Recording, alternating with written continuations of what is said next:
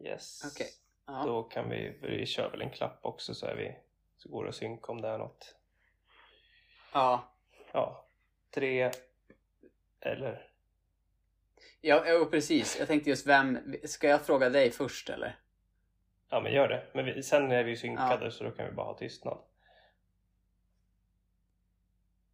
Ja, just Eller, det. ja. Just det, det är sant. Ja, just det. Då är det bara att klippa bort allt fram exakt, okej. vi Mm. kör på 3, 2, 1. Ja. Tre, 3, 2, två, 1. ett. Ja, Jag tror att det var helt OK. helt ok. Molle, vad är egentligen en kafferumslöpare? Det är en väldigt bra fråga faktiskt. Nu gäller det att man ska vara tydlig och lite smart här och komma på något klipskt att säga. Men för mig är en kafferumslöpare någon som jobbar heltid, tycker om att hänga vid kaffeautomaten, alltid obligatoriskt och sen har också löpningen som sitt stora intresse vid sidan av sitt arbete. Det måste inte vara en person som alltid pratar om sin löpning även om det kanske är med lite i definitionen av begreppet kafferumslöpare. Så för mig är intresset det viktigaste. Hur ser du på en kafferumslöpare Hannes? Ja, nej, men jag håller med dig i det du säger. Jag tänker att det är ett väldigt alltså, brett begrepp. Jag tänker att det finns många olika typer av kafferumslöpare. Det finns kafferumslöpare som är lite mer sympatiska eh, och kafferumslöpare som är lite kanske mer osympatiska. Eh, jag skulle säga att, en, en, jag skulle säga att du och jag är sympatiska kafferumslöpare. Tack. Vilket eh, innebär att, ja väldigt skönt, som du var inne på, vi båda heltidsarbetar. Det är, eh, ja, vi, vi, har- eh, vi har en förvärvsinkomst, vi lever alltså inte på löpning. Ehm, vi eh, tar dock löpningen på väldigt stort allvar. Vi lägger ner mycket tid på det. Och vi gillar att konsumera annan löpning. Men vi, samtidigt så är vi ganska självmedvetna skulle jag säga. Vi tror ju inte att vi är bättre än eh, vad vi är. Vi vet liksom vår plats på något sätt i löparhierarkin. Ja, Ehm, vi för försöker det ju aldrig jag vara säga för mer. Nej, pre- precis, precis. För jag, jag tänker att det finns en typ av kafferumslöpare, den lite mer osympatiska, som kanske har väldigt höga tankar om sig själv och som gillar att stå i kafferummet och liksom berätta väldigt eh, ofta och högt om sina prestationer och höja upp dem. Ehm, och eh, jag blir väl snarare alltid lite så obekväm när jag måste prata om tider och folk ska reagera på det och jag vet inte. Ehm, Jag håller att- med. ja, Men ska vi riva Så- av plåstret och säga våra tider här och nu? ja men precis. Eh, för att vissa av våra lyssnare, om vi kommer ha någon, kanske känner till oss sedan tidigare. Men eh, alla, eh, det kan ju vara så att eh, det finns människor som inte gör det. Det gör det ju, garanterat. Eh, så att vi kan ju dra lite, jag menar en klassisk PB-stege, så man får lite koll. För vi gillar ju ändå att springa snabbt, försöka springa snabbt i alla fall. Mm. Ehm, Ska vi vad, börja på Om, 5000 kanske? ja, men ta, ja, men ta den eh, liksom lägst, kortaste distansen som du har ett relevant PB på. Det behöver inte vara 100 meter. Nej, där skulle jag nog inte stå mig så bra ändå. Men vi börjar på 5000 meter. Där har jag ett Ja, personligt, personbästa på 15.42. Går vi upp till 10 000 meter så har jag ett personbästa på 33.01. Ehm, sen har jag inget relevant personbästa på halvmaraton så där får jag skylla mig själv så där kan jag inte säga något. Men på maraton har jag sprungit 2.29.23. Hur ser Mm. din steg ut? riktigt starkt. Ja, men min steg, jag börjar på 3000 meter då. Eftersom jag debuterat på den distansen i år. Ehm, Så 3000 meter 8.56. 5000 meter 15.26. 10 000 meter 32.03. Halvmaraton en 11.31. och maraton 2.35.19. Ehm. Mycket bra. Men vi, ja. det, det, märks att vi, vi är både jämna och ojämna mitt i stegarna där. Men exakt, exakt. Vi får se. På sikt kanske vi kommer vi har vara väldigt båda jämna. Våra... Ja, ja, exakt. Vi har nog båda eh, tider eh, Eh, som vi är mer nöjda med och mindre nöjda med. Och i, i mitt fall passar det väldigt bra med eh, den eh, tävlingen som vi nu jobbar mot och den distansen. För det är väl där som jag känner att jag har eh, underpresterat. Ja, precis. Nu när du kommer in på det. Vi har ju startat det här tanken om att vi vill göra en podd i de tio kommande veckorna. Och att vi kör just 10 veckor är för att vi har som mål att springa Amsterdam Marathon då, den 15 oktober. Så vår tanke är nu att vi ska släppa ett avsnitt i veckan och prata om vår väg dit. Mm. Exakt, det stämmer bra. Och eh, vi gör väl det för att vi båda känner att vi vill ha ett sätt att fördjupa oss eh, kring träning i största allmänhet, men eh, också för oss själva att gå igenom vad man egentligen gör. Ehm, och eh, det blir som ett, eh, en förlängning av ens Strava-konto. Ehm, så att och det, jag tycker att det är en bra kanal att göra det på. När man har en, en podd på det här sättet så man tvingar ju liksom inte på någon det här innehållet utan om man vill lyssna så söker man ju upp det och väljer det själv. Det är väl därför som ja, men Instagram till exempel kan ju vara ett jättebra sätt att dela med sig, men då kan, som i mitt fall, har ju många, en del följare som är totalt ointresserade av eh, min löpning, eh, men som ändå tvingas ta del av det en del. Så jag, jag, känner att här är man lite friare, man kan prata eh, liksom längre och de som lyssnar är faktiskt de som är intresserade. Precis, jag känner samma sak. Det, ni som är här och lyssnar på det här nu ni har valt det här själva så ni får lite skylla er själva för att ni lyssnar på det här. Exakt. Och, ja, ex ja, exakt. Jag ser det också som en väldigt kul grej för egen del att få prata med dig Hannes om vår mm. satsning och att jag tror det här maratonuppbyggnaden kommer bli roligare när vi har det här, det här utloppet och det här sättet att prata om det. Mm. Jag håller med till 100% och det, det slår mig nu när vi pratar att eh, har vi sagt vad vi heter och hur gamla vi är och sådana här grundläggande eh, artighetsfraser. Vi kör på det. Mm. Jag heter Moll Olsson och är 29 år gammal. Mm. Vad gör du till vardags? Jag jobbar som projektledare inom järnväg. Så ganska långt ifrån löpning kan man säga. Ja, kanske ganska skönt också. Ja, det är skönt att ha ett gäng kollegor som inte bryr sig om löpning och att man kan ha något för sig själv vid sidan av. Mm. Håller med. Vem är du? Ja, jag är ju då eh, Hannes Bjärnhagen. Eh, 29 år gammal har jag hunnit bli. Jobbar med eh, digital marknadsföring kan man säga. Men med eh, te textinnehåll ehm, så att eh, jag har inte jobbat med ljud på något sätt, men jag är utbildad journalist i grunden, men har nu mer gått över mot eh, ehm, kommunikatör, copywriter hållet. Ehm, så att också inget som har med löpning att göra och eh, mina kollegor är totalt ointresserade av löpning, vilket är ganska skönt faktiskt. så att man har någon typ av, man har någon del av i sin vardag som är helt isolerad från, från löpningen och det är ganska, ganska skönt det med faktiskt. Så två kafferumslöpare som inte pratar så mycket kafferumsautomaterna har ni här? Exakt. Stämmer bra.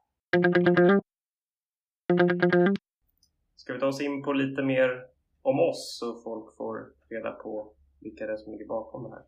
Ja, absolut. Eh, jag kan ju berätta lite grann om, eh, om vem jag är. Då till att börja med. Hannes Bjärnhagen. Eh, född och uppvuxen i Piteå. I Norrbotten. Och bott i Stockholm sedan ganska många år tillbaka nu. Eh, fem, sex år blir det nog. Men ja, jo, något litet avbrott däremellan med studier i, i Umeå. Men alltid varit eh, en idrottsintresserad eh, person som väl främst eh, sysslade med fotboll. Eh, egentligen från fem års ålder till ja, 18 års ålder. Och eh, det som är väl intressant med det är att jag var absolut inte någon person som tyckte om att springa. Eh, men jag var yttermittfältare och jag tänker att eh, jag sprang mer än vad jag nog tänkte på att jag gjorde. Så jag byggde nog upp en ganska bra löpförmåga där. Eh, sen så tog, började egentligen inte löpningen bli en grej förrän eh, ja, vad kan jag varit då? 21, 22 kanske. Ehm, det var egentligen efter en period där jag hade tränat liksom väldigt lite. Jag hade precis flyttat till Stockholm. Eh, börjat festa och äta dåligt och inte bry mig om eh, träning för första gången i livet egentligen. Eh, men sen så eh, minns jag att det tog slut med min tjej där och då tyckte jag att jag Eh, inte såg ut så som jag borde se ut och tänkte att att börja springa är det lättaste sättet att komma i form igen. Köpte en GPS-klocka efter ett tag, började mäta både distanser och farter, anmälde mig till mitt första lopp, eh, tyckte att det var väldigt roligt, eh, anmälde mig till fler lopp. Sen blev jag mer eller mindre besatt av att eh, bli snabbare och snabbare och slå mina personbästan. Eh, och på den vägen skulle jag säga att det, att det är. Eh, mm. Hur kom du in i den här sporten egentligen? Ja, det är väl en lång och knackig väg fram. Men jag föddes faktiskt på västkusten i Varberg. Inte många som vet det, vi brukar inte prata så mycket om. För när jag var ganska ung så flyttade min familj till Linköping och där växte jag upp och gick i skolan och allt vad man gör eh, innan jag flyttade till Uppsala för att studera och bodde där i ytterligare tio år för att sedan nu i våras flytta ner till Göteborg. Så det, cirkeln är sluten nu kan man säga.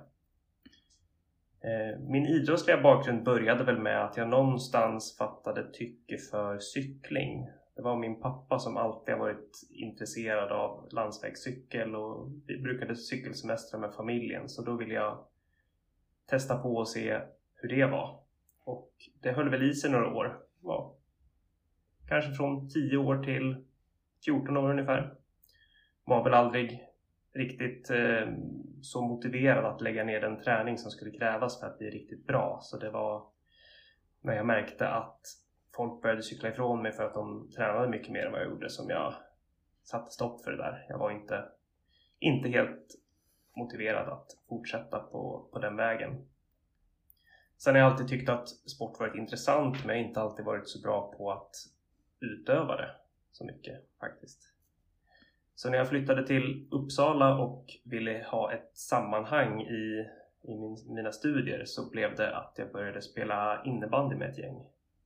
Och vi hade pass två gånger i veckan när vi sprang slut på oss fullständigt i 90 minuter. Och jag hade väl alltid ganska god snabbhet ändå märkte jag redan från början. Och eh, jag var väl inte den bollsäkraste innebandyspelaren men jag kunde i alla fall sprinta ifrån folk och eh, ta de där viktiga löpningarna. Och jag tror där la jag min grund för vad som kom att bli min löpkarriär lite senare. Så när jag skulle flytta till Tyskland för att göra en utbytestermin 2016 så kom jag på den briljanta idén att ja, men jag ska springa maraton i min nya hemstad. Eh, sagt och gjort så likt dig Hannes så skaffade jag GPS-klocka och skulle försöka träna till det där. Det gick väl ganska bra. Jag var väldigt ny och grön och visste inte alls vad man skulle göra. Mycket gick ut på att springa så fort man kunde på milen ganska ofta. Ehm, jag tror många har vandrat den vägen före mig och eh, man blir väl helt okej okay på det. Det, det. det, är en bra start. Ehm, och ja, alla måste lära sig själva. Det, det är viktigt tror jag. Sen så hamnade jag där på maratonloppet och eh, det gick väl helt okej. Okay. Jag var väl inte helt och hållet biten och jag fortsatte lite så anmäla mig till lite smålopp ett par år. Och sen så fick jag en vision om att jag ville springa under tre timmar på maraton. Och när jag väl hade bestämt mig för det så började jag lägga upp ett träningsprogram om att göra det. Och eh, det var så jag hittade in, i, in på den bana jag är idag. Mm. Ja, det känner jag igen väldigt mycket, det där med att maxa, maxa milen. Det, jag vet inte riktigt när det var 2000. Jag hade börjat träna ganska mycket, men inte på något sätt med någon slags kunskapsbas, utan mer på känsla. Och då tror jag att jag, jag kanske sprang tre, fyra gånger i veckan och en gång i veckan så maxade jag milen. Det var liksom passet. 10 kilometer all out. Eh, och det, det funkar ju ändå ett tag skulle jag säga. Alltså åtminstone, alltså jag kanske var sådär alltså mellan 45 och 50 på milen. Och liksom sprang milen allt vi hade en, veck, eh, liksom en gång i veckan. Och jag liksom kapade nästan vecka för vecka där i början. Det, det var nog mer också liksom att man sprängde liksom mentala gränser. Jag tror inte att man fysiskt blev så mycket bättre, men man blev liksom mer van att eh, pressa sig. Eh, så jag minns, jag minns väldigt klart till första gången jag gick under 40 minuter. Eh, det var alltså på, trän, alltså det var på träning då så att jag det var inget officiellt PB men eh, eh, det är en klassiker. Att, eh, att springa milen allt vad man kan på träning. Det har nog många mm. gjort. Det är ganska härligt faktiskt. Jag ja. tror att eh, när man har lite lägre träningsmängd som man ofta har när man börjar hitta in så blir det ändå en... Det funkar bra som, som träningsmetod. Mm. Och ibland börjar jag till och med fundera på om jag var bättre på att ta ut mig förr i tiden när jag var lite mer orädd och bara körde på. Jo, det har jag också tänkt på faktiskt. På, alltså på lopp. Eh, det känns som att jag, alltså sådär för fyra, fem år sedan när man liksom tävlade, att man tog ut sig mer. Det känns så i alla fall. Um, än vad man gör idag. Eller så är det bara att man har blivit smartare eller bättre. Men det känns som att man, man var mer orädd för att man inte hade lika mycket erfarenhet på något sätt. Nu ja. vet man så väl alla fallgropar och man kan bli lite försiktig. Men det, det, det känns, jag har också haft en känsla att det känns som att man var bättre på att ta ut sig eh, i början. För att man inte liksom visste vad man, vad man gjorde nästan. ja, nu ska man ju veta inom 15-20 sekunder vad man ska göra på milen varje given tävling. Ja, exakt, exakt. På din eh, väg här framåt då, finns det någon prestation du har gjort som du känner dig extra stolt över? Um, ja, alltså den prestationen som jag nog är mest nöjd med. Det är inte ett, ett pers som gäller nu, eh, men som var ett perslopp då. Eh, men det var, det var när jag, det var 2020 i mars där, precis innan pandemin eh, var ett faktum. Så var jag i Holland, eh, i Haag. Man eh, som har en väldigt bra halvmara eh, som många, så många svenskar åker till och springer för att springa snabbt. Eh, jag tog nämligen ett så himla stort kliv i det loppet. Eh, för att ja, det var så att på under sen 2019, början 2020 så började jag ta hjälp av eh, coach och eh, fick en helt annan struktur på träningen. Började springa dubbeltröskel, Eh, började springa många mil och på ett strukturerat sätt som jag inte gjort tidigare och på ett mycket smartare sätt. Eh, jag minns att i september där 2019 så hade jag sprungit i Stockholm halvmaraton på en 17 blankt. Och sen i mars där 2020 så hade träningen gått så pass bra så att eh, eh, min tränare tyckte att jag kunde sikta på en 12.40, vilket lät helt galet snabbt. Och vilket betydde också att jag skulle behöva passera milen på under 35 och jag hade aldrig varit under 35 på milen innan det loppet, så det kändes så här som ett självmordsuppdrag typ. Men, men det var nog den häftigaste känslan när jag passerade 10 kilometer där i Haag på typ 34-40 eller någonting och kände att det var kontrollerat. Eh, det, var nog, det är nog fortfarande den häftigaste känslan. Just den halv... Eh, den passeringen för 10 kilometer. Sen så gick det bra resten av loppet också. Sprang in på 1.12.20. Så, eh, så det, det, är nog den prestationen jag är mest nöjd med för att jag liksom överträffade mina egna förväntningar. Och det tror jag, det tror jag inte jag gjort en enda gång efter det. Nej, det är speciellt när man känner igen det där med att ha höga krav på sig själv och förvänta sig mycket. Så det är, det är inte ofta man får chansen att verkligen smälla till ett jätte-PV. Som... Nej. Precis. Har du någon prestation som du kommer ihåg särskilt? Jag har väl en, den påminner lite om din i viss mån och det är när jag sprang maraton på 2.29 för första gången. Och det var våren 2021 i Jordbro industriområde. Kan ni tänka er så charmigt. Mm. Utanför Stockholm. Ja, fantastisk plats. Ja, det var en magisk dag. Ja. Man kom dit och kände att det blåste ganska mycket. Det blåste väldigt mycket. Och det var väl aldrig riktigt de bästa förutsättningarna för löpning. Och själv kom jag in och var ändå jag hade, var vid gott mod och jag hade blivit intalad av min tränare där att eh, jag skulle bara tänka på 2.20 någonting. Och jag spände bågen och bestämde mig för att idag skulle bli dagen. Så, så blev det också till slut. Det var en väldigt kämpig dag och det var många som led hårt i vinden men jag fortsatte bara pressa hela vägen in och spurtade för allt vad jag var värd och tiden stannade på 2.29.49 så jag klarade det mm. med nästan minsta möjliga marginal.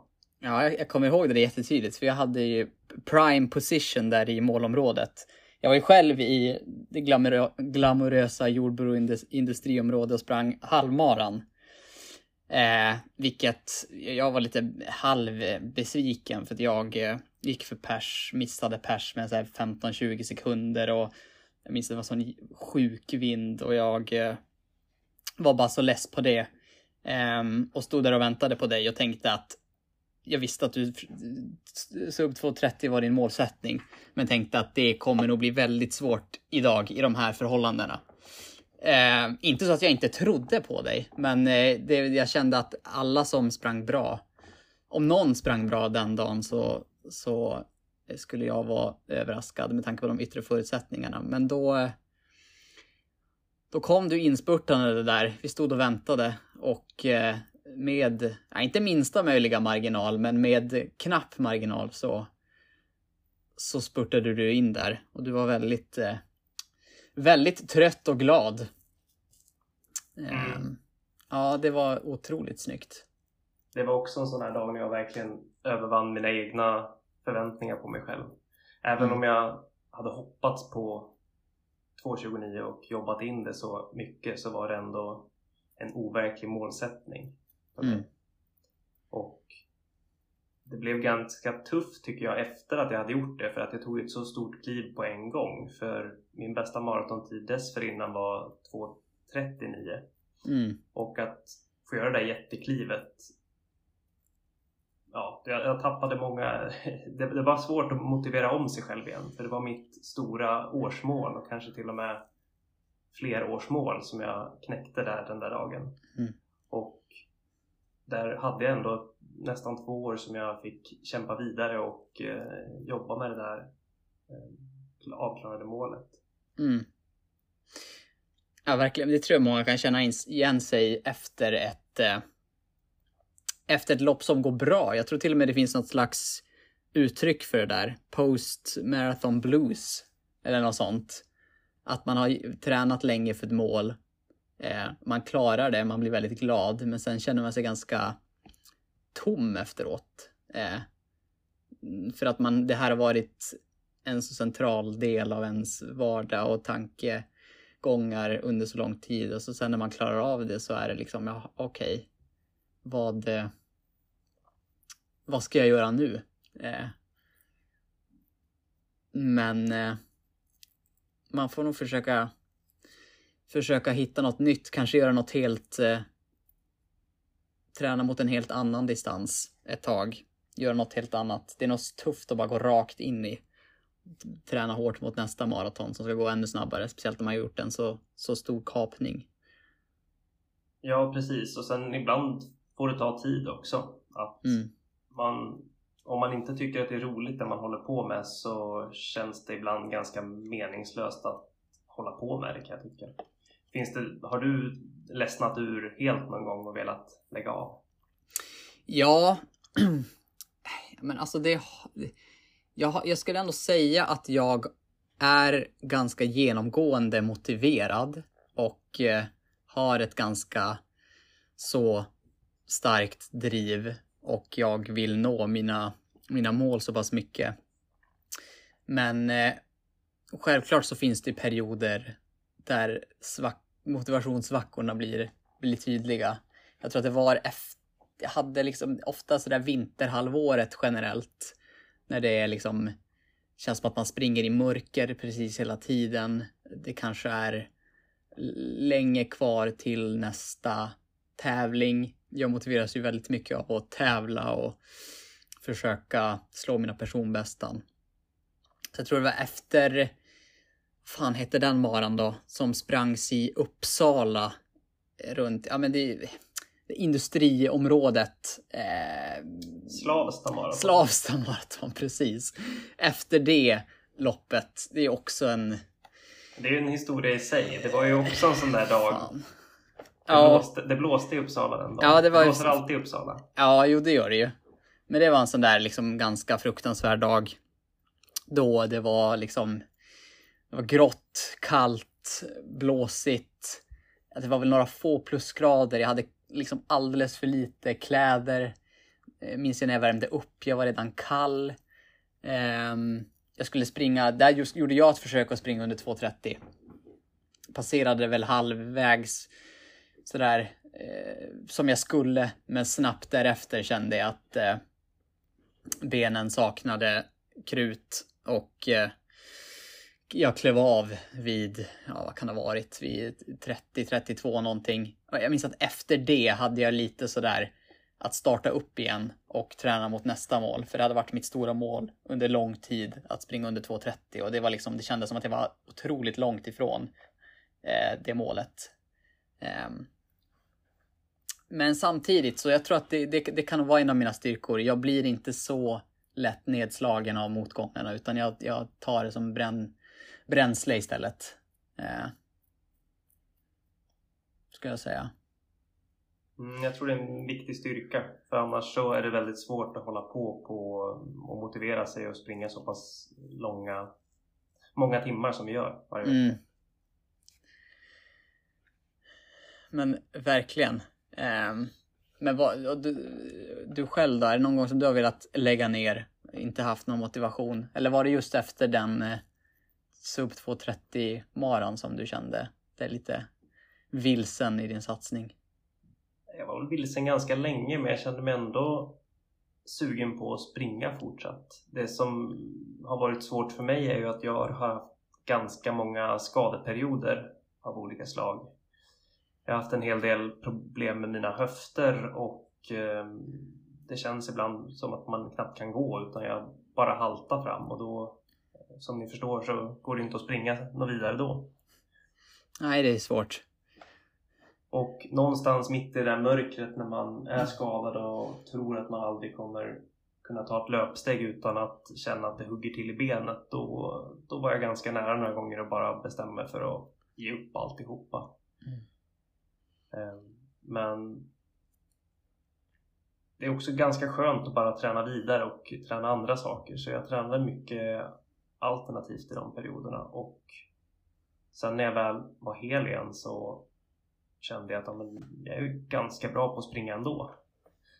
Och då blev det helt plötsligt roligt igen. Och sen är jag lite sån att jag kan bestämma mig för att träna mot ett visst mål och sen blir det att jag tänker att det här kanske blir sista satsningen. Jag vet inte, vi får se.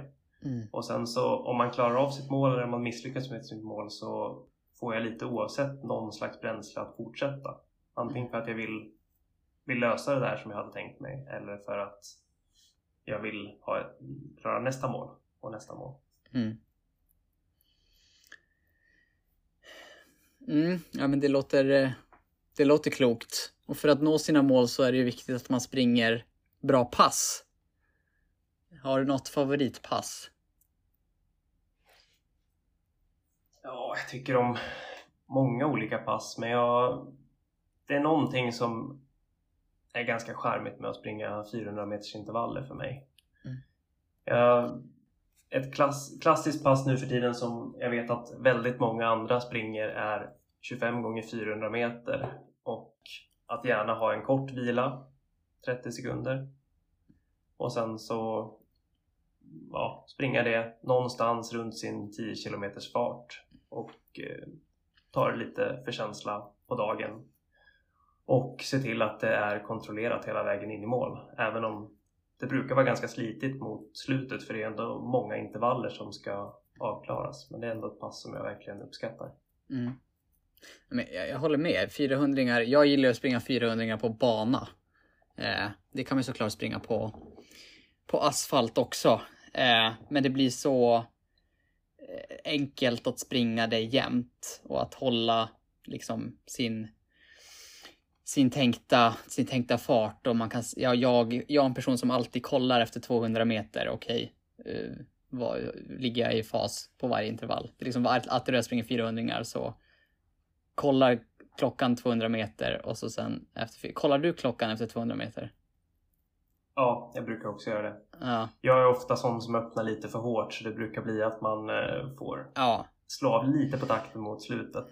Ja men precis, alltså, exakt samma här. Det är egentligen oavsett vad för banintervall som jag kör så det är nästan omöjligt. Det är nog inte bara, det är nog inte bara vi. Um, det känns lite som att det känns skönt att och så springer man typ tusingar. Ska man springa det, jag vet inte, på 3.20. Det känns typ bra att veta att om man ser att man springer första på typ 38. Då vet man att så här, ja men håller jag varje 200 40 sekunder 40 sekunder, 40 sekunder så kommer man in på 3.18. Och så kan man få tappa lite på sista typ. Det här buffringstänket. Eh, kanske inte alltid är så himla smart, men så, så tänker alltid jag. Det är en skön tanke. Ja. Vi får kanske akta oss för den i Amsterdam sen. Ja, precis. Nej, det, där kan det... Nej. Man har några rejäla positiva splittar i maratonlopp där man eh, trott för mycket om sig själv.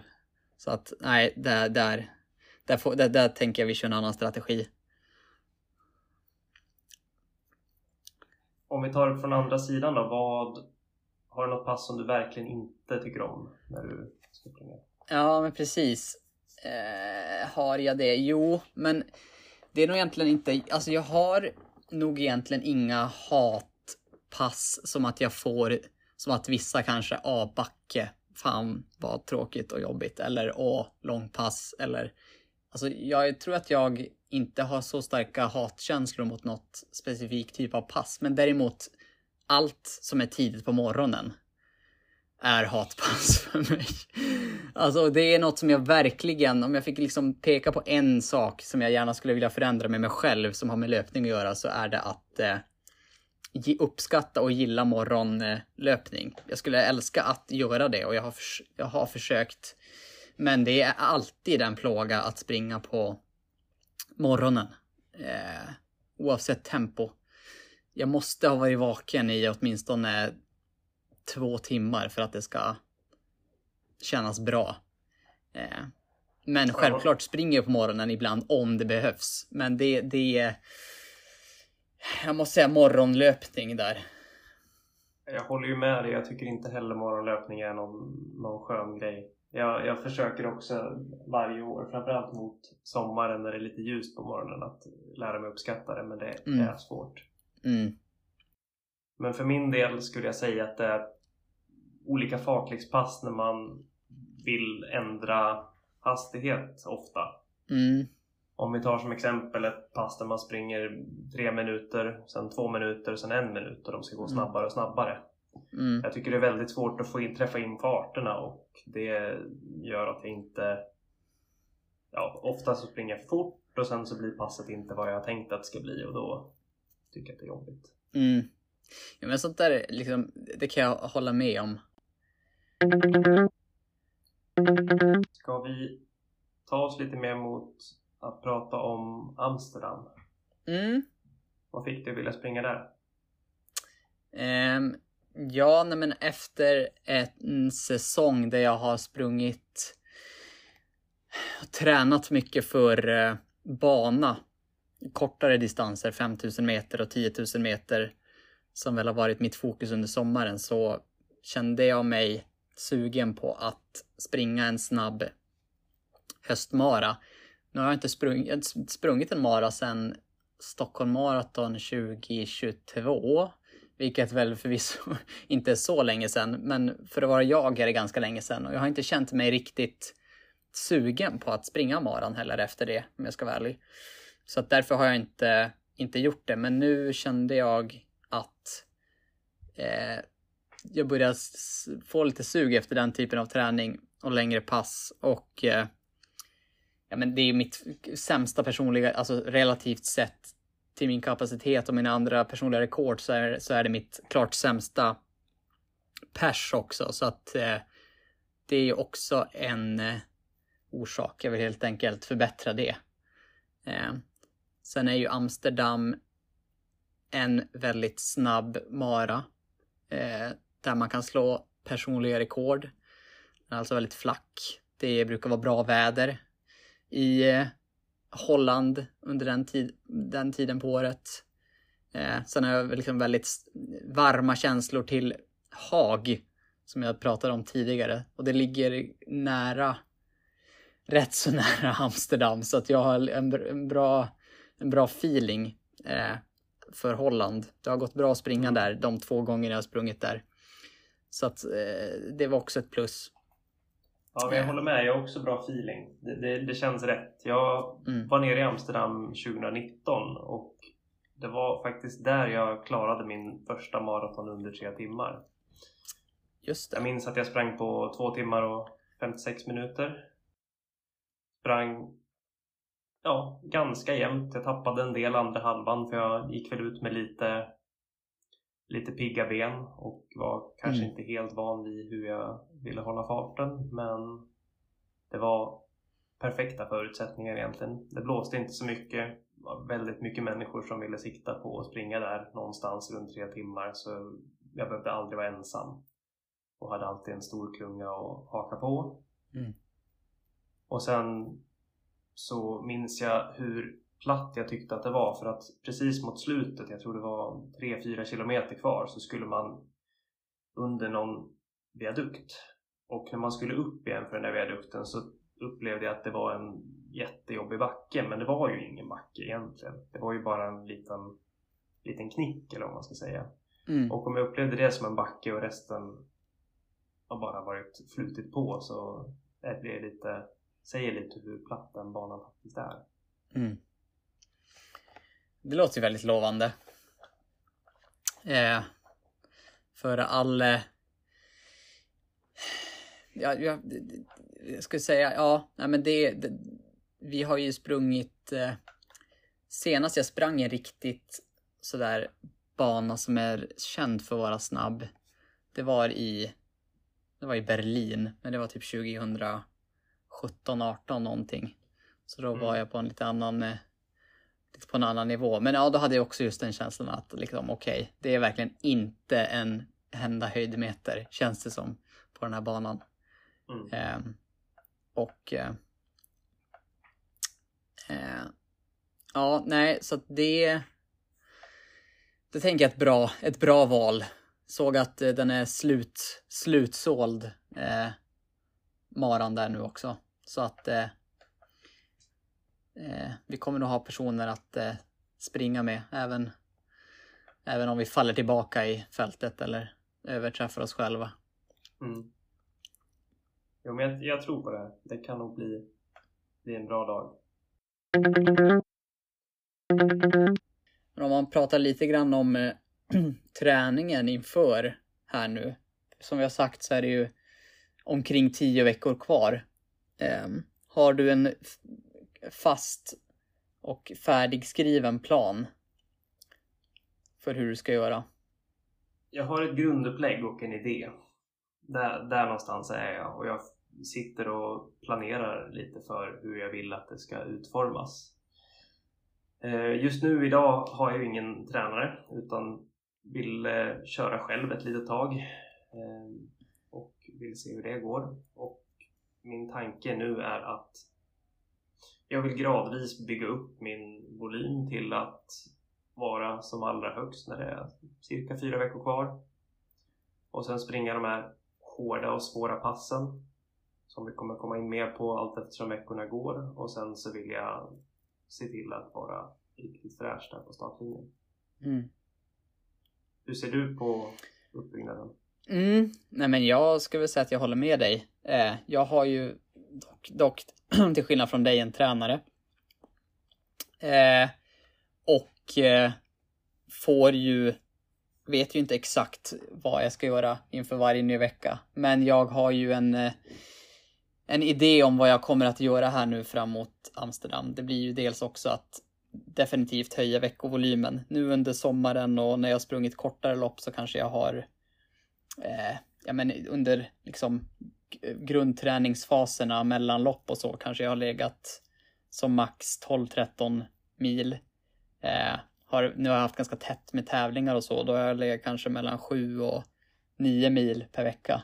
Och inte sprungit några liksom, långpass egentligen kanske någon, två timmar någon gång här och där, men inte längre än så.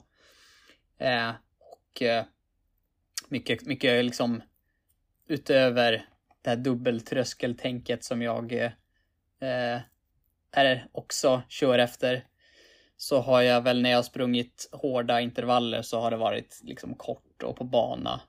Eh, liksom, den typen av träning. Så att eh, det blir liksom det kanske kommer bli en, eh, en, dubbeltrösk, en dag med dubbeltröskel, en dag med kvalitet som består av längre intervaller, långpass kanske som har liksom inbakat olika typer av fartinslag eh, och mycket, mycket mer mängd helt enkelt. Eh, men jag tänker också att här vecka för vecka så kommer vi gå in ännu mer i, i detalj på vad, på vad vi gör och varför. Mm. Jo, nej men jag, jag har funderat på det med dubbeltröskelupplägget och hur jag själv ska ställa mig till det den här gången. Men jag tror att jag kommer skippa det. Jag är lite mer inställd på att eh, se till att ha ett långt pass varje vecka och varannan vecka tänker jag hålla dem lite lugnare och varannan vecka mm. tänker jag ha fartinslag i långpasset. Mm. Och sen de veckorna när jag har ett lugnt långpass så kör jag något lite snabbare dagen innan långpasset för att ha lite trötta ben och eh, ja, få lära kroppen att bara mala på trots att benen är lite, lite småtrötta. Mm. Eh, och sen så varje vecka se till att få in ja, tid i den tänkta maratonfarten. Mm. det är väl det som är tjusningen med den här distansen och egentligen det som alla har gemensamt som springer den bra är väl att man har kontinuitet och springer hög volym. Sen hur man väljer att, att lägga upp träningen tänker jag kan vara ganska individuellt vad som passar en själv. Man kan ju, jag tror att jag mer kommer ha Alltså det känns som att det finns lite två vägar att gå. Antingen så har man tre kvalitetspass per vecka. Där kanske två är lite kortare och ett är lite, liksom lite längre, något slags långpassinriktat. Eller så har man två stycken ganska, ganska rejäla eh, kvalitetspass med massa lugn distans emellan. Ehm, och eh, jag tänker att det som eh, det som funkar bäst för en själv är helt enkelt det som man om man tror på det man gör, om man får med de viktigaste delarna och gör det på ett strukturerat sätt så tror jag att man har god chans att lyckas. Mm.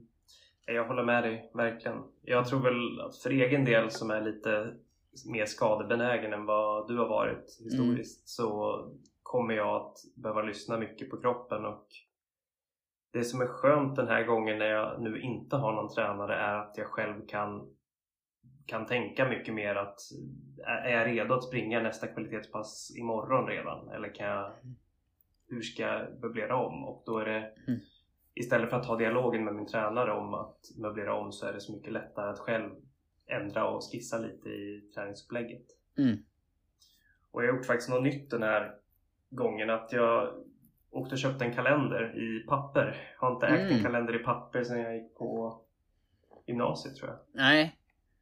Och eh, har med papper och penna suttit och skrivit och kladdat i hur jag vill springa. Och eh, jag tänker fortsätta med det åtminstone hela det här maratonträningsblocket och Eh, ja, notera hur långt jag springer, vilken, ja, hur mycket tid jag har lagt på löpning och eh, vilka dagar jag springer vilka pass och så. Mm. Det, det tror jag kan vara väldigt bra. Jag har haft någon sån tanke någon gång jag också. Alltså det är något härligt med att sätta penna mot papper. Eh, och eh, kanske man, det kanske man blir lite... Det är lite nostalgi i det, men det känns väldigt på riktigt eh, då jämfört med online dagböckerna som man har, som förvisso är väldigt bra också. Men det mm. Mm. Det låter väl som en jättebra grej. Mm. Ja, men jag ser det som ett komplement. Mm. Om vi går in på målsättning då, vad, mm. vad är din vision? Ja, men precis. alltså, det är ju intressant. Eh, nej, men jag har ju... Alltså den... Nu ska jag ju sätta igång med den här tio veckors eh, träningen och se lite grann hur man svarar på att springa längre pass. Eh, och hur formen utvecklas. Men jag ska absolut springa under 2.30. Eh, det får väl vara mitt mål. Vissa skulle kanske tycka att det, jag hade kunnat sätta det ännu lite, lite högre om man tittar på andra personliga rekord jag har. Men samtidigt så vet jag att jag har haft otroligt svårt för att springa maraton eh, tidigare, att få till det. Och jag har liksom respekt för distansen nu. Och jag har ju trots allt 2.35 i pers och det känns som att nästa rimliga mål är att springa under 2.30. Så att eh, jag springer jag på 2.29.59 eller någon minut fortare så kommer jag vara lika glad i princip. Ehm, jag känner att jag vill ha klarat av sub 2.30 innan jag liksom sätter en ny målsättning mm. på maraton.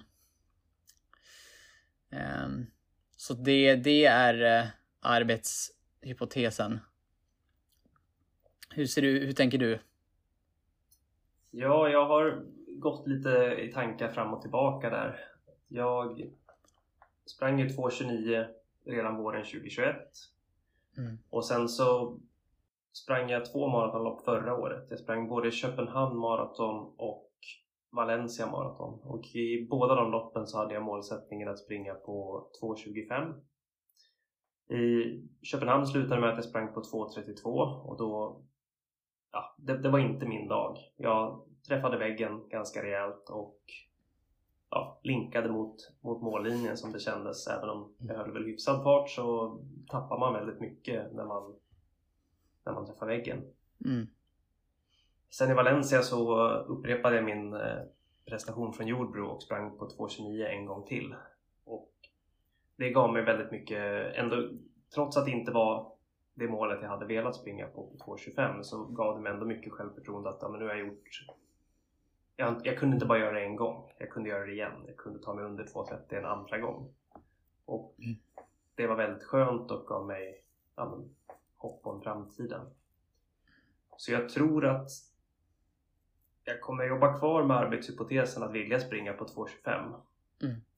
Men jag kommer nog se lite vad den här träningsperioden tar mig och det viktigaste för mig kommer vara att försöka springa ett personbästa lopp. Så att bättre än 2.29. Mm. Ja, men det låter väl rimligt. Eh, och bra. Jag tänker att nästan oavsett då att vi, vi kommer optimalt kunna ha nytta av varandra i själva loppsituationen. Inledningsvis i alla fall. Skulle jag kunna tänka mig att vi kommer kunna gå ut i någon slags gemensam öppningsfart. Det vore ju kul i alla fall. Och eh, Ja. sen eh, se hur, hur det håller för oss båda och vem som kanske eh, går ifrån före den andra. Eller om man hinner följas med väldigt långt. Ehm, men eh, Jag har också hopp om att vi kanske hinner få in någon gemensam träningshelg under hösten så att vi kanske Mm. kan göra något av de här väldigt långa, väldigt jobbiga passen tillsammans och mm, göra bördan lite lättare. exakt. Det, det vore riktigt, eh, det vore riktigt kul. Det är, väl, det är väl det som är planen till hösten och se, se hur vi kan ta oss hela vägen till Amsterdam. Ehm, och tanken är väl också att vi ska prata lite om vad vi har gjort för träning för att ta oss dit. Och Mm. det kommer vi gå igenom vecka för vecka. Så ska vi börja med att kanske berätta om vad vi gjorde förra veckan så kan vi ta det därifrån. Mm, Ja, men veckans träning är väl ett avsnitt som vi kommer att hålla i varje vecka i den här podden. Och då tänker jag att den här gången får väl du börja Hannes och berätta om vad du gjorde förra veckan. Exakt. Um, förra veckan var ju lite speciell, eller speciell, men den, den var inte egentligen så relevant för den här maratonsatsningen som jag nu ska ta mig an. För den kan man säga har inletts veckan som vi är inne i nu. För förra veckan så höll jag på att eh, inledningsvis att tape, tapera inför ett 3000 meters lopp. Um, så att jag sprang... Eh, nu ska vi se här. Måndagen så sprang jag ingenting alls. Där hade jag en vilodag. För det var två dagar innan, innan det här loppet. Eh, så på tisdagen sprang jag en halvtimme lugnt eh, med strides. Eh, sen på onsdagen där så, så som jag brukar göra inför kortare lopp. Eh, speciellt om de är lite senare på dagen eller kvällen så körde jag en eh, kvarts eh, lugn jogg för att väcka kroppen på morgonen. Sen så tävlade jag på onsdagen där eh, på Viking Line-spelen i Huddinge på Källbrinks IP. Låter glamoröst. Ja, verkligen. Vann du en Väldigt... kryssning? Vad sa du? Vann du en kryssning? Nej, vi vann ingenting.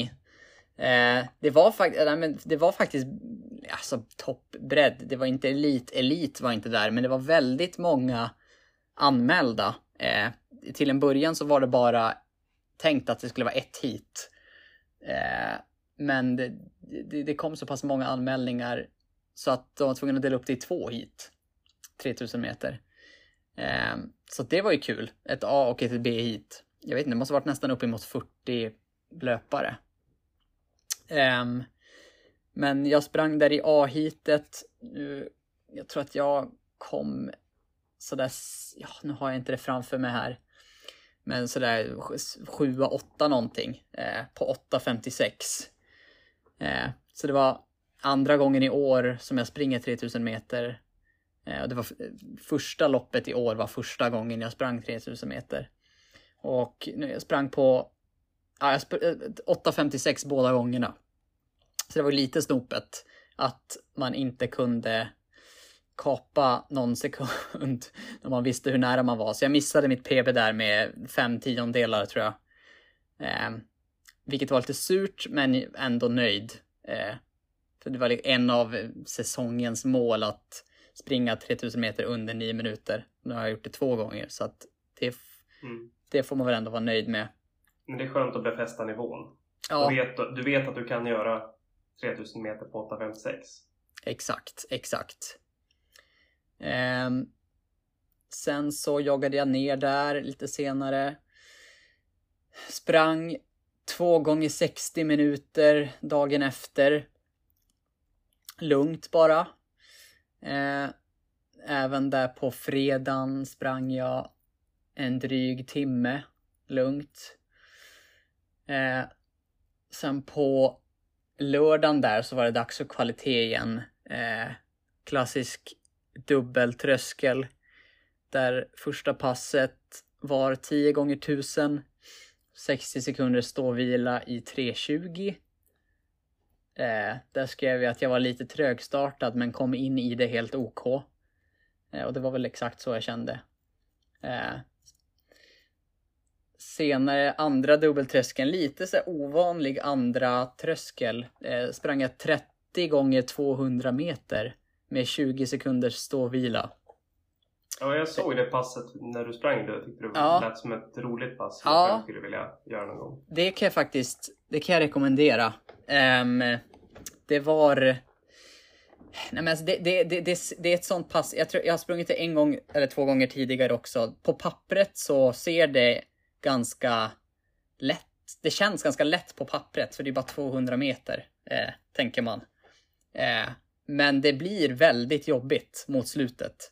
Eh, jag minns att jag tänkte på det nu sist jag sprang det att liksom springa 15-20 gånger 400 meter i typ eh, sådär milansträngning är jag betydligt bättre på än det här. Och det är mest den korta vilan. Du springer ändå, sprang jag, hade jag i snitt 36 sekunder ungefär. Låga 36 sekunder. Eh, vilket, eh, vad blir det? Det är väl typ 3.00 fart. Ja, nära 3 blankt. Ja, något sånt. Och eh, det, det är ändå helt OK i 200 meter, men det är just 20 sekunder, det är inte mycket alltså.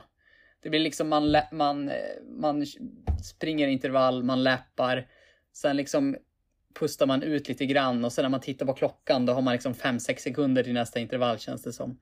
Så det, det är den mm. korta vilan som är eh, utmaningen på den, på det, på det, på det, på den, på det passet. Men det, jag kan absolut rekommendera det. Det, det är ett, eh, man blir trött, men det är ett, eh, jag tror ett bra pass. För många, man får liksom in fart. Det påminner ju lite nu när jag börjar tänka på det om det gamla bekanta 30 gånger 45 15 när man springer mm. 45 sekunder och eh, ja. vila 15 sekunder. Det blir både lite kortare löptid och lite längre vila men farten mm. är ju jämnhög hela vägen för dig. Exakt. Exakt. Nej, men det, det, det är lite samma. Och sen är det liksom min profil. Jag är liksom bättre på att springa lite, alltså att springa längre intervaller. Det är just de här korta, snabba grejerna vad det var, som jag personligen tycker är svårare att, eh, att hantera. Eh, men det gick bra. Eh, det är väl typ som de tio sista intervallerna som är, som är ganska jobbiga. Man måste liksom ligga på från första steget till sista steget. Man kan liksom inte växa in i varje intervall för att du måste liksom springa på så snabbt eh, direkt. Eh, så att... Eh, men jag skrev att det kändes ganska hårt mot slutet men tog i, mig igenom med värdighet. Eh, det var väl ungefär så jag kände. Eh, och sen i söndags sprang jag två timmar 26 kilometer. Så det var ja, 4.37 fart. Det är väl inte snabbt. Det varit lite snabbare än vad jag kanske hade tänkt på förhand. Men jag... Eh, jag brukar väl ha sådär fyra, egentligen fyra, typ inte snabbare än 4.40 när jag ska springa lugnt. Eh, så det blev lite... Kallar du det Lite för långpass eller kallar du det för... Ja, men Ja. Två, ja, två timmar kallar jag väl för långpass. Det där är också en diskussion. Det är väl typ, finns någon slags regel som jag har hört att så här, allt längre än 90 minuter är ett långpass. Men ja, det beror väl lite grann på vem, vad du har för erfarenhet. Är det en liksom, ny löpare eller någon som inte har sprungit så länge eller som är på en, men inte är på samma nivå då kan det ju vara en jättebedrift att springa över 90 minuter och det är klart man ska kalla det för långpass. Men för mig, när det börjar kännas som ett långpass, det är väl kring två timmar. För 90 minuter springer man ändå så pass ofta och jag tänker inte för mig själv då att nu har jag sprungit långpass. Ehm, så att, eh, men det skulle jag ändå säga ett långpass. Två timmar. Mm. Nej, jag, jag håller med. Två mm. timmar är ett långpass. Ja. Så såg träningen ut. Hur, eh, Hur många... hur tränade du? Hur långt du, blev det? Ja, hur långt sprang jag? Exakt. Ja, men jag hade ändå en hyfsad vecka sett till nu när det har varit ganska tävlingstätt i sommar. 114,9 kilometer blev det. Mm. Ehm, så helt OK. Och den här veckan hoppas jag kom, kunna springa ännu lite mer. Då kommer jag nog komma upp mot 12 mil skulle jag tro. Så att Mm. vi, by, vi bygger sakta men säkert. Ehm, och du har varit i, eh, i, i fjällen. Ja, svenska fjällen. Ja. Jag, jag tror jag väljer att gå tillbaks ytterligare en dag faktiskt. Jag kör redan från söndag veckan ytterligare en vecka tillbaka. Mm. Bara för att hålla, berätta om allt. Men jag var uppe i Åre uppbjuden av Salomon för att springa lite under fjällmaratonveckan.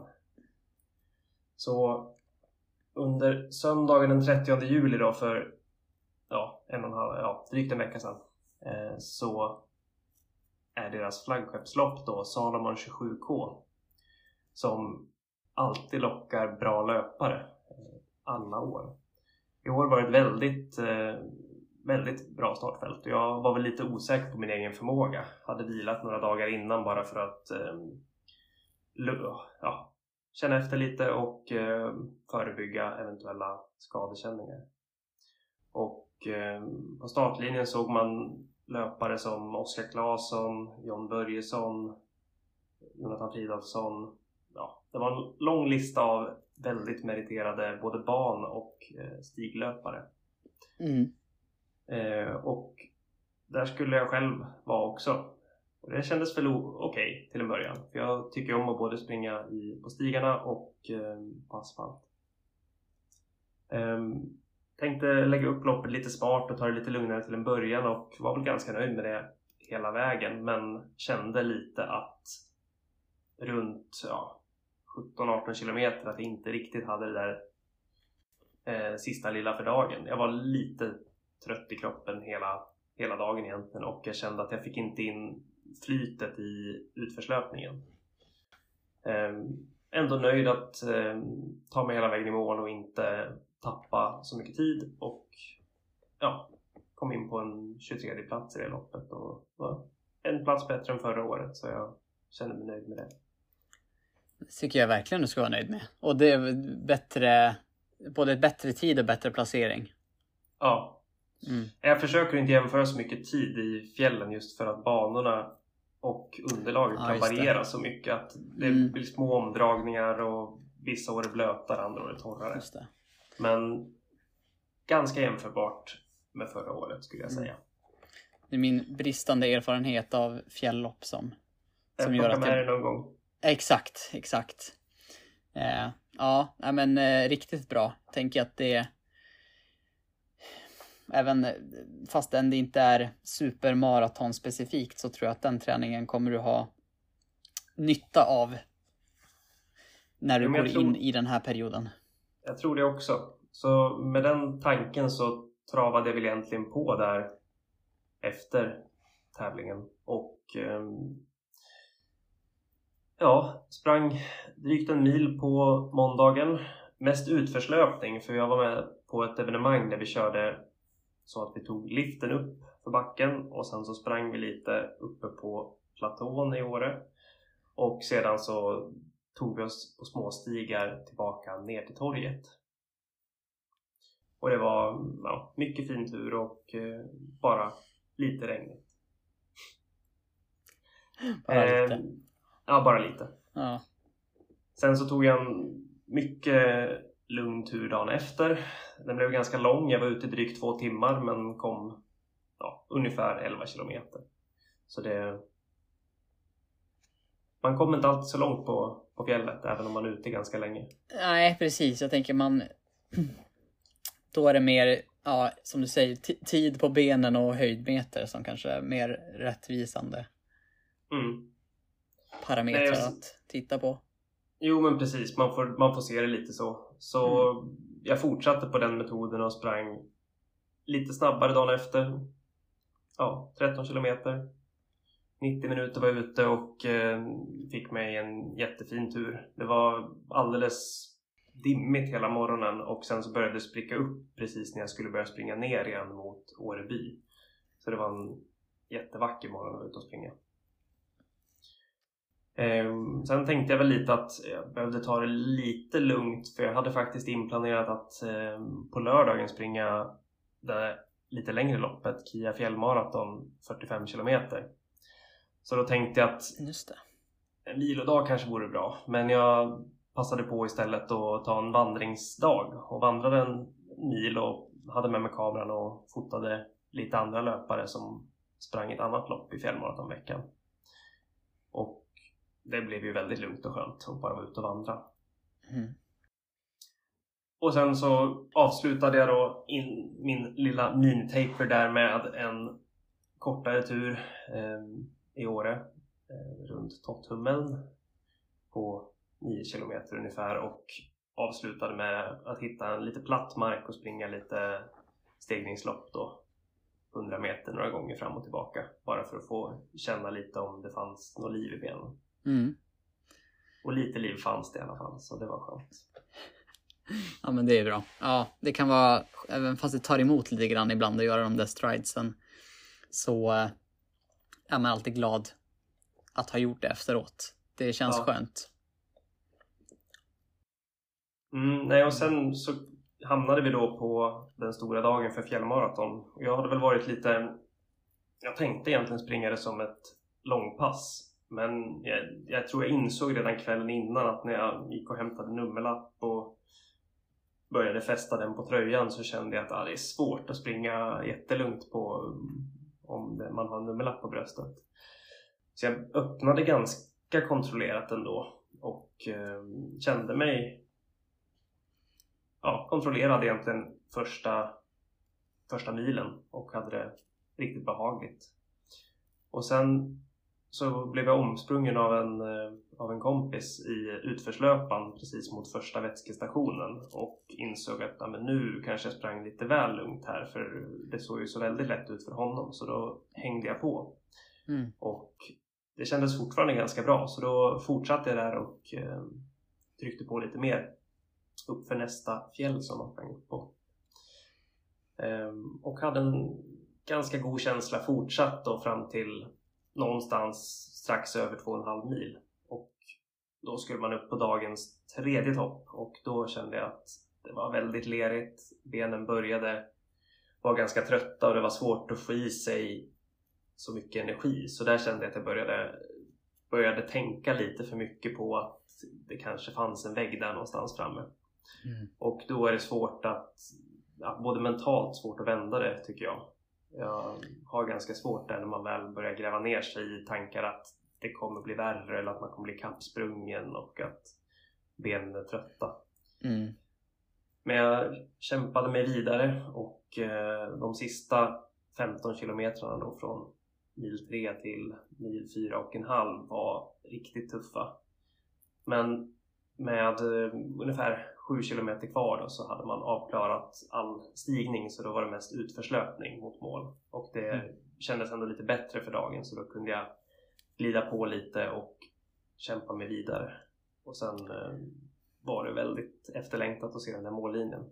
Mm. Och när jag väl kom i mål så blev jag lite förvånad av att höra att jag hade kommit på 14 plats. Och det är jag väldigt nöjd med så här i efterhand och jag känner ändå att jag gjorde ett väldigt bra lopp. Och eh, jag tror det var klokt att jag öppnade lite lugnt för att jag har, det var dels den längsta distans jag någonsin har sprungit och sen även Mm. att springa det i fjällen så blir det en helt annan sak. Vi, vi båda som pratar om att springa maraton på två och en halv timme. Det Mm. här tog mig fyra timmar och 26 minuter så det är Mm. Ja. två timmar till. Ja, det är... Ja, herregud. Ja, nej, men fjol, det ska du vara otroligt eh, nöjd med. Och just att eh, jag, vill, jag vill inte ens veta hur det känns att vägga i på en fjällmara. Det känns ännu jobbigare än i en, i en vanlig mara kan det ju känns lättare att, ja, det känns lättare att på något sätt bara ta sig igenom det i något slags tempo Mm. som är eh, inte allt för förnedrande. Men i, det känns som att man, det finns fler hinder innan man är i mål i ett sånt typ av lopp. Mm, det gör ju det. Eh, Och ja, det gör mig bara ännu mer imponerad av eh, vinnaren då, Oskar Claesson som sprang i stort sett en timme snabbare än vad jag gjorde. Och Mm, för mig är det så väldigt svårt att förstå hur man kan hitta all den tiden på den banan. ja. Och det, är, ja, det krävs att man verkligen ligger på när det går att ligga på. ja, det är ruskigt. Ruskigt Mm. starkt. Ja, nej men i alla fall så då från söndag till söndag så fick jag ihop knappa 12 mil i fjällen. Så det känner jag mig väldigt nöjd med och ja, det är ett bra sätt att få första maratonträningsveckan att kännas lite lugnare. Mm. Ja, men väldigt habilt. Säkert ett x antal höjdmeter i de 12 milen också. Några stycken. Ja, exakt. Snyggt. Men då tänker jag att vi sätter punkt för den här uppstartsepisoden. Ja, Eh. ett stort tack till alla som har orkat ta sig igenom hela den här tiden. Exakt. Och så hoppas vi att ni är sugna på att komma tillbaka nästa vecka och lyssna på oss igen. Exakt, exakt. Och eh, både du och jag finns på Strava Mm. om man vill eh, se i detalj eh, vad vi sysslar med om dagarna. Där heter jag Hannes Bjärnhagen. Och jag heter Molle Olsson.